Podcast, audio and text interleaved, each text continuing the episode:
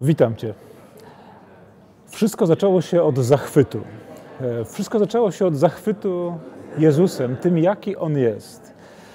Jaki jest niesamowicie e, przestrzenny. Tak, użyję tego słowa, e, zwłaszcza, że to słowo nawiązuje do tego, o czym w ogóle chcemy mówić podczas Wielkiego Postu.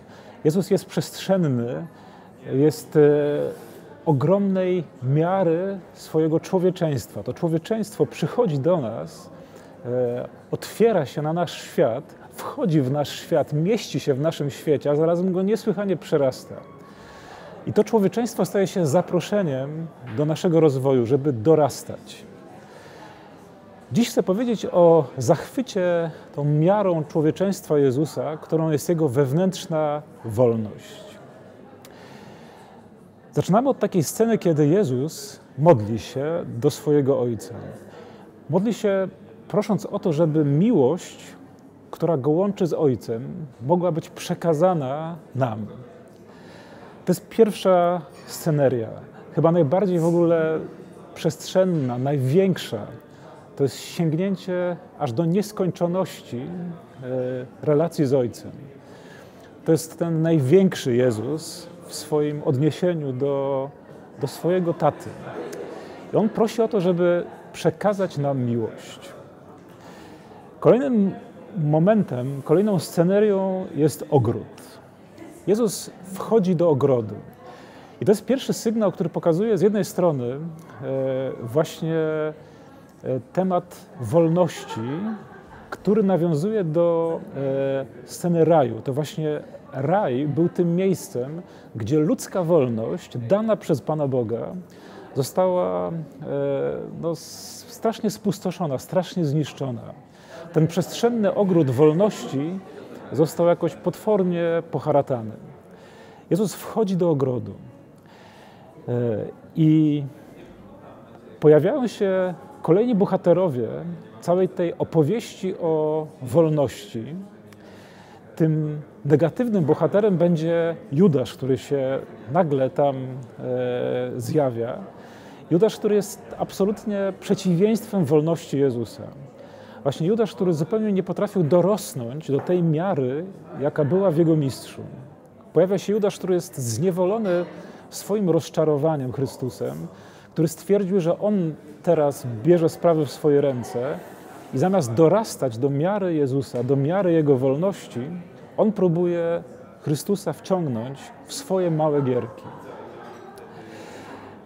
Jezus pełen wolności wie, po co idzie. On wie, co ma robić. Nikt mu życia nie odbiera. On sam to życie chce dać. To jest e, ta wolność, która staje się czymś niesłychanie e, takim porywającym, gdzie wokół ciebie narasta pętla ludzi, którzy próbują cię zgasić, którzy próbują e, wykasować cię, kierując się własnymi przekonaniami, własną wizją, której ty się nie mieścisz, a ty jesteś wolny. W tej narastającej pętli niechęci jesteś wolny. Kolejna sceneria to jest taka, kiedy Jezus jest na dziedzińcu arcykapłana.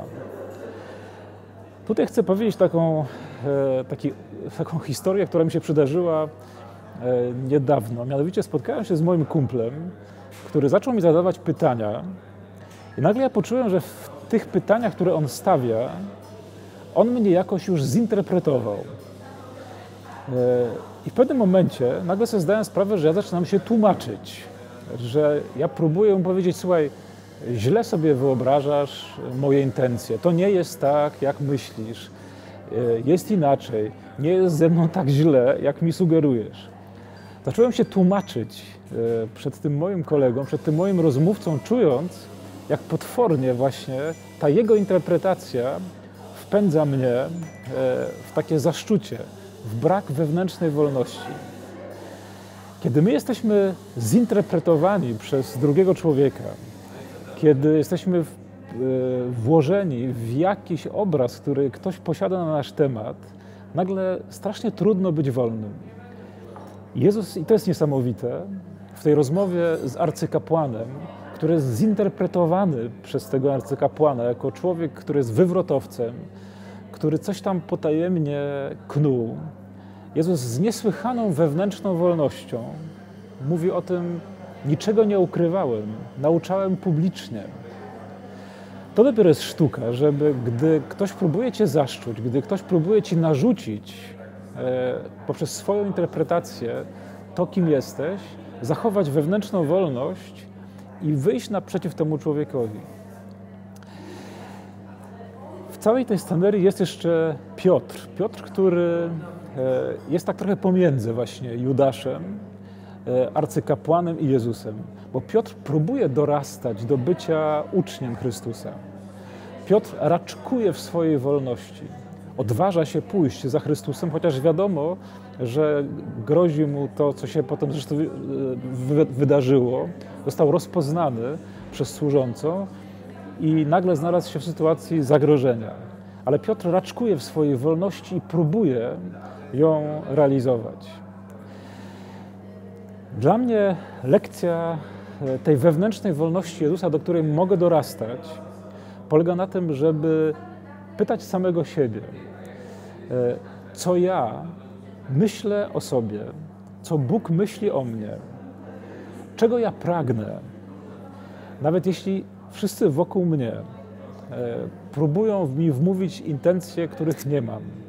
Nawet jeśli wszyscy wokół mnie próbują mi narzucić jakiś sposób myślenia i działania, pozostaję wewnętrznie wolny.